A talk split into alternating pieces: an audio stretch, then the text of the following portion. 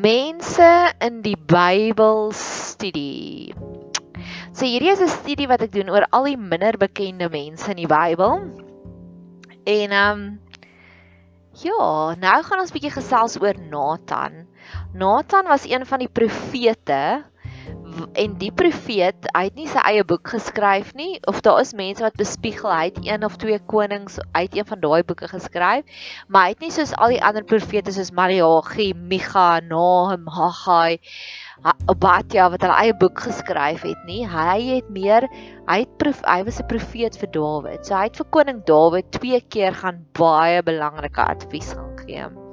En hierdie advies was vir my so, ek wil amper sê groundbreaking want dit het my nogals gevat en my regtig voor laat intens dink.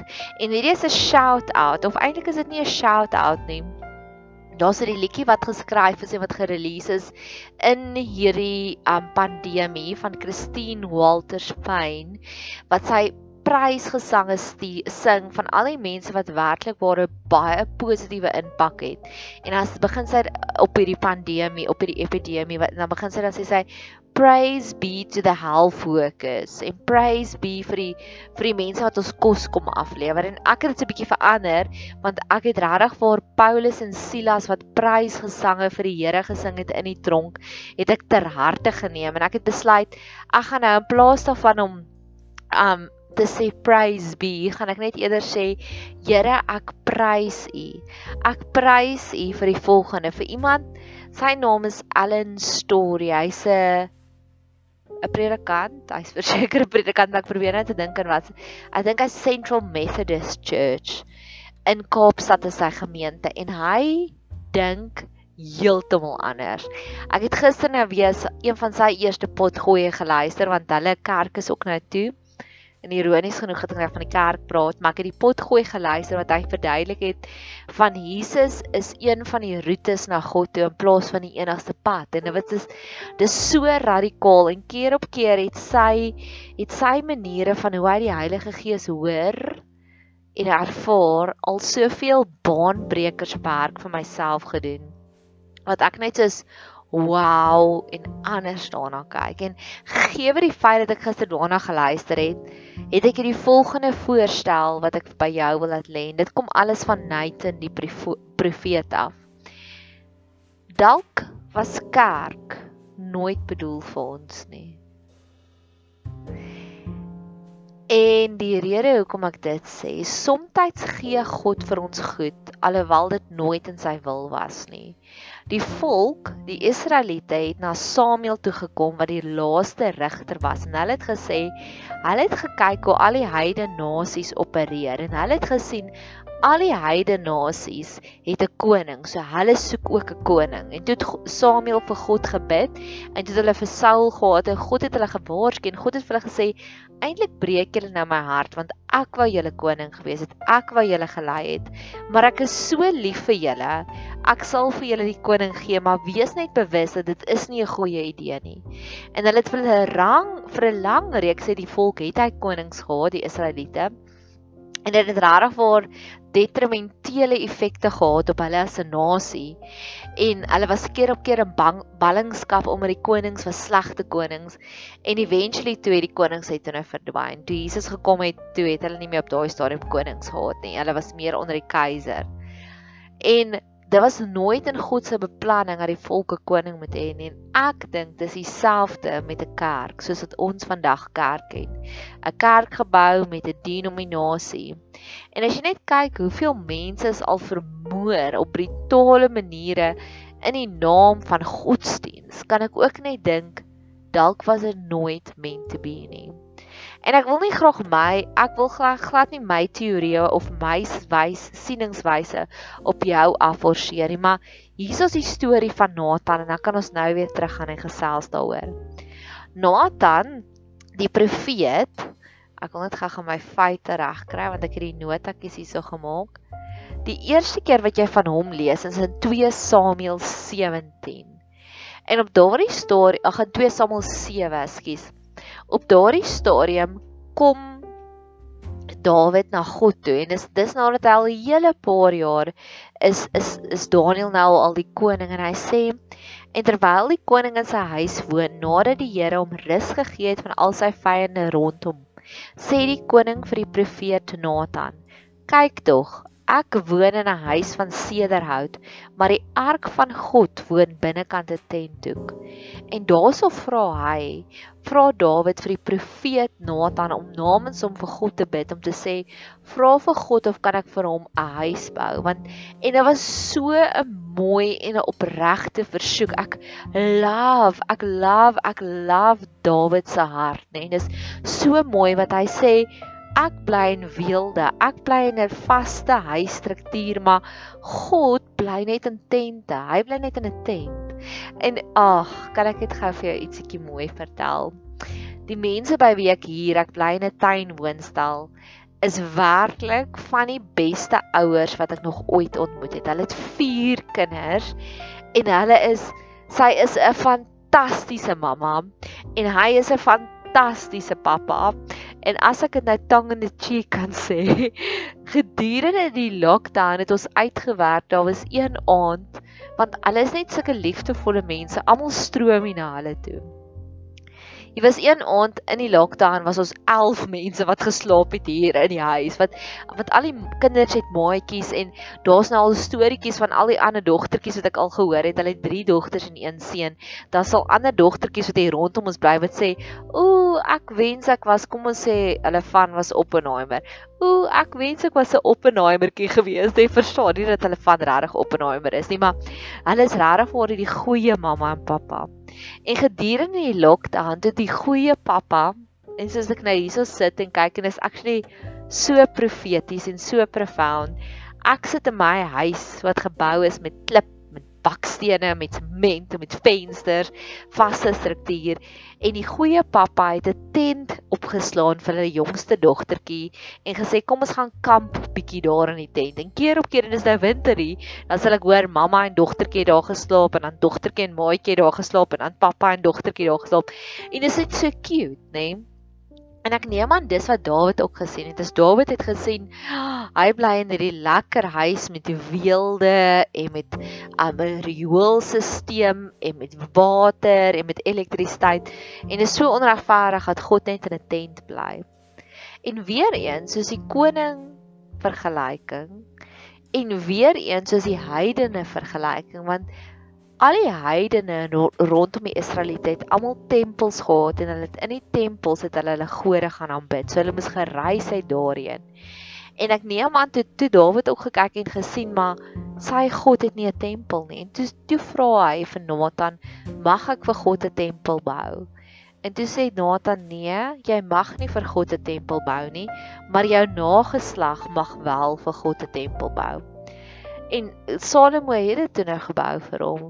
Maar wat vir my ironies is is hierso in vers 7 sê hy vers 6 sê hy vers 5 gaan sê aan my knegg aan Dawid so spreek die Here sou jy vir my 'n huis bou om in te woon ek het tog in geen huis gewoon van die dag af dat ek van die kinders by Israel uit Egipte laat optrek het tot vandag toe nie maar ek het rondgetrek in 'n tentwoning Oral waar ek onder, onder al die kinders van Israel rondgetrek het, het ek ook 'n woord gespreek met een van die stamme van Israel wat ek aangestel het om my volk Israel op te pas en gesê: "Waarom bou julle nie vir my 'n huis van sederhout nie?" So met ander woorde, God sê ek was gemaklik. Dit was my keuse om in 'n tent rond te trek saam met julle. En hoekom ek sê en later dan het het God het, het toe nou vir Salomo toegelaat om die tempel te bou, maar as ek uit God se oogpunt uitkyk en ek sê nie ek is God nie glad nie. Ek dink net God het geweet as God vir Dawid sê, "Shap bou vir my huis," sou sou Dawid baie minder tyd by God spandeer het, want Dawid het die meer as 3 kwart van die psalms geskryf en ek dink God het so baie Dawid se teenwoordigheid en Dawid se vriendskap waardeer dat hy wou niks gehad het moes dit besoedel nie. Dis my eerste teorie. En ek dink net God het gesê nee wat, ek wil eerder net hê kom spandeer net eerder tyd met my. En die tweede ding hoekom ek ook dink kerk was nooit in God se beplanning nie. Waar het Jesus gebly?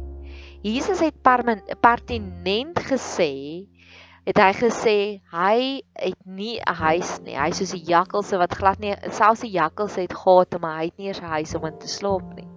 En later dan skryf Paulus ook om te sê julle is die tempel van God. En Jesus het ook keer op keer het hy gesê ek gaan hierdie tempel verwoes. En ek dink dit was alles sin en ek weet hy het verwys aan sy eie liggaam toe, maar 70 jaar nadat Jesus opgevaar het hemel toe, is daardie tempel verwoes ek dink regtig waar dit God se is God se in, initiële illusie was om te sê hy wil hê oral moet ons sy teenwoordigheid ervaar. Hy wil nie hê dat ons moet soos die heidene nasies net dink net in daai tempel kan ons hom aanbid nie. Hy wou al die reëls vir ons weggevat het en hoe meer ek God leer ken, hoe meer besef ek net God is die God van vryheid. En ek dink dit was juist dit wat God nie wou gehad het nie. Kom God gesê het vir Dawid: "Nee, jy moet nog nie nou vir my tempel bou nie." En ek het al baie keer mense gesien wat so vasgevang is aan godsdiens. Hulle raak so behep met die dinge van God dat hulle vergeet die die God van die dinge. En dit laat my weer eens dink om te sê dat ek dink so so veel keer hoe meer jy intiem raak met God, hoe meer kom hy net en hy hy gee vir daai daardie release valve van al die onbillike onbillike wette en die onbillike verpligtinge. Hy wil nie hê ons moet besorgd wees oor 'n gebou nie. Hy wil hê ons moet soos Dawid tyd by hom spandeer en vir hom liefdesliedjies sing. En nie dat ek vir enigiemand sê asseblief klim na die kerk uit nie, glad nie, maar dit het net vir my opgeval God het nooit die opdrag gegee om te sê bou vir my 'n tempel nie.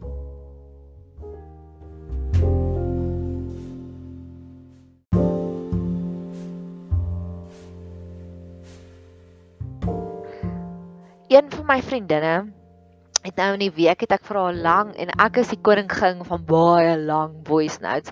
En ek het vir haar baie lank voice note gestuur en sy het kort daarna het sy vir my hierdie papier gedeur gestuur hierdie foto van al die notas wat sy geteken het en gemaak het en sy het sy het prentjies geteken en sy het ballonne geteken en sy het fietsies geteken wat ek so op 'n journey en weet jy hoe geliefd het dit my laat voel En ek dink dit is waarna God op soek was met Dawid wat hy eers gesê het nee, moenie vir my tempel bou nie want soos wat my vriendin my so intens laat geliefd voel het deur daai prentjie te teken en die papiertjie te teken en ek het dit dadelik op Facebook of Instagram en op my status gepost want ek het so geliefd gevoel. Ek het so en die Brasilianers het die mooiste woord daarvan Bem Cambodia wat beteken ons is versadig. Ek het genoeg liefde in my lewe.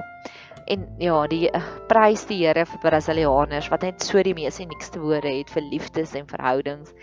En dis wat ek dink waarna God op soek is. En mag hy vir my en vir jou ons eie groove leer soos wat Dawid het van psalms geskryf. Mag God net meer en meer vir ons leer wat is sy liefdestaal? Hoe wil hy graag hê met ons met hom kommunikeer?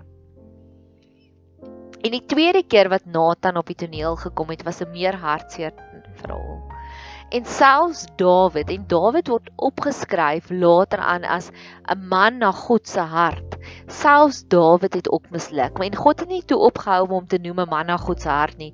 Juis en as gevolg van en te midde en ten spyte van Dawid se grootste flater om te, om 'n ander vrou swanger te maak, 'n ander man se vrou swanger te maak en iemand te vermoor, het God nog steeds aangehou om te sê dit is 'n man na my hart. En in enig een van my vorige potgoeies die een oor Nabot het ek ook daarvan gepraat om te sê God het selfs vir Agab vergewe wat en in die Bybel staan nou hy was die mees violentste man, die slegste man, die grootste villain. In die Message Bible noem hulle hy het nuwe rekords opgestel van bad and evil practices en selfs vir, vir Agab het God vergewe.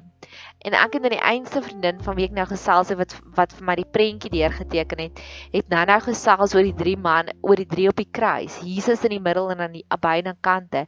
En ons het weer eens gemarvel oor die feit dat Jesus het die sondaar sondaar aan sy een kant heeltemal vergewe en gesê vanaand is jy saam met my in die paradys. En hoe meer ek net hierdie intense Bybelstudie doen, hoe meer besef ek net hoe absoluut gentle en grasieus is God. En op hierdie stadium waar Dawid toe nou vir Uria Betseba se se man vermoor het, stuur God vir vir vir Nathan weer eens na Dawid toe. En Nathan begin met hierdie pragtige gelykenis en hy sê Dawid En Dawid sê ja Nathan, wat kan ek vir jou doen? Hy sê koning Dawid, ek het hierdie hartseer storie gehoor. Ek het hierdie storie gehoor van hierdie verskriklike ryk boer, nê, nee, wat as hy links kyk en dan sien hy net al sy landerye en is vol skape en as hy links kyk is dit dieselfde prentjie. Hy kan hy kan tot op die horison sien hy net skape en skape en as hy voor hom kyk sien hy net skape en skape en as hy agter hom kyk sien hy net skape en skape en hy stap in sy groot mansion in en hy bly in sy mansion. En een aand nooi hierdie boer homself na sy buurman toe. En toe hy gaan na sy buurman toe, toe sien hy die buurman het hierdie een lammetjie en die lammetjie is so deel van die familie. Dis dis die boer se beste vriend. En op 'n stadium van die ryk boer so in sy maag gaan hy sê manne maar nou se ek honger. En die arm boer kyk hom so aan met sulke groot hartseer puppy dog eyes. En die ryk boer sê kom ons slag daai lammetjie en hy vat die lammetjie en hy slag die lammetjie en hy maak dit vir hom. En die oomblik toe Nathan hierdie storie vertel is Dawid om onmiddellik baie kwaad en hy sê wie durf om dit te doen? Daai man moet dadelik voor my gebring word en ek gaan hom nou straf. En Nathan sê dis jy koning. Jy het Uria se vrou gevat. Jy kon enige vrou gekry het en jy het haar gevat en jy het nog vir Uria skade ook aangedoen. En Dawid lê vir 3 dae voor die Here se voete en hy smeek die Here. Want toe sê Nathan vir hom, daai die babietjie wat jy gaan kry gaan nog dood gaan ook. Dis jou straf. En hy het gesmeek en gesmeek, maar die babietjie is dan nou op die einde van die dag oorlede. En daardie storie, eerste van alles, daardie gelykenis is my so treffend. En daar's 'n paar mense wat ek weet wat soos koning Dawid sal optree wat die skape het links, regs, voor, agter en nog steeds die een laaste skapie sal vat. En ek bid asseblief Here gaan wys dit asseblief. Hulle uit gaan gee vir hulle ook die gelykenis. Ons leer soveel makliker deur stories. Ons leer soveel makliker deur gelykenisse. Maar die tweede ding wat ek ook wil bid is Here gee ek vir my die wysheid. Wanneer ek sien iemand is besig om nie reg te handel nie dat ek vir daardie persoon kan reg help en reg lei ook wat vir my interessant is van hierdie hele storie, nadat die babatjie oorlede is, toe staan Dawid dadelik op en toe gaan hy aan met sy normale lewe. Soveel so dat die res van sy konings koninklike beamptes na hom toe kom en vir hom sê: "Gaan jy nie rou oor die babatjie nie, want op daai stadium was al sekere rouprotye." En toe sê hy: "Nee, Ek het ek het vir die Here gesmeek om die babatjie te red en die Here het nie. En ek het al die storie gehoor van die Heilige Gees wat soveel vertroosting bring vir ons. En weer eens ek kwyt nou vir die derde keer in hierdie pot gooi het op vriendin wat sal die storie vertel het sy het gekyk na haar dogter, haar tienerdogter en is 'n pragtige sprankel tienerdogter en sy het haar eerste liefdesteleerstelling gehad en sy het vir maande lank gebid vir die dogter en vir die dogter blomme aangedra en chocolates en cupcakes en brownies en wat ook al mens vir 'n tienerdogter wat sy hart gebreek is aangedra het en op 'n stadium het niks het gehelp nie. Het sy al net so die dogter se hand gevat en gesê: "Heilige Gees, ek kan nou nie meer nie. Vertroos jy my dogter." En sy sê daai middag toe sy kom optel het, toe die dogter al reeds beter gelyk en gelukkiger gelyk. En ek kan ook al keer op keer daarvan getuig. Daar was tye wat die Here my so vinnig genees het van sulke hartseer dinge. En ek glo dis wat Dawid hier ervaar het. En Dawid baie van sy psalms, baie van hulle het gegaan oor die Here is naby die gebrokenes van hart en dalk was dit juis in hierdie tydperk wat hy dit ervaar het. So dis die verhaal van Nathan. Nathan wat twee keer 'n pivotale rol in Dawid se lewe gespeel het. Die eerste keer met mag ons vir die Here 'n kerk bou wat 'n baie noble aksie was. En die tweede keer met die gelykenis oor die ryk seun en die ja, die ryk seun of die ryk boer en die arm boer. Ek wil net terugkom by daai gelykenis. Een van my gunsteling films is the a Christmas Carol en daarso van die ou ook wat die spooke so vir Scrooge op 'n op 'n reis, nê, nee, op 'n journey of om te wys maar kyk Scrooge, dis wat jy doen aan die mense rondom jou. En ek het al keer op keer vir dit gebid om te sê Here, help dit asseblief. So te loop in Suid-Afrika en dis ietsiekie wat ek nou al genoem het is ek glo werklik waar dat hierdie lockdown as ons reg dit benader kan die Here regtig waar iets wonderliks uitmaak. Want op hierdie stadium die kapitalistiese stelsel wat ons het, dit is stikkend. It is broken. Daar's iets wat genoem word die Jesus koëffisiënt wat wys wat die verskil tussen die rykste en die arme mense in die wêreld. En ons in Brasil is van die van die grootste verskille. Kyk, kyk. So ja, op 'n manier is ons ekonomiese stelsel is stukkend. So ek wil dit graag voor die Here se voete gaan neer om te sê Here, kom U en kom genees U dit ook. Mag jy 'n super awesome geseënde dag hê verder.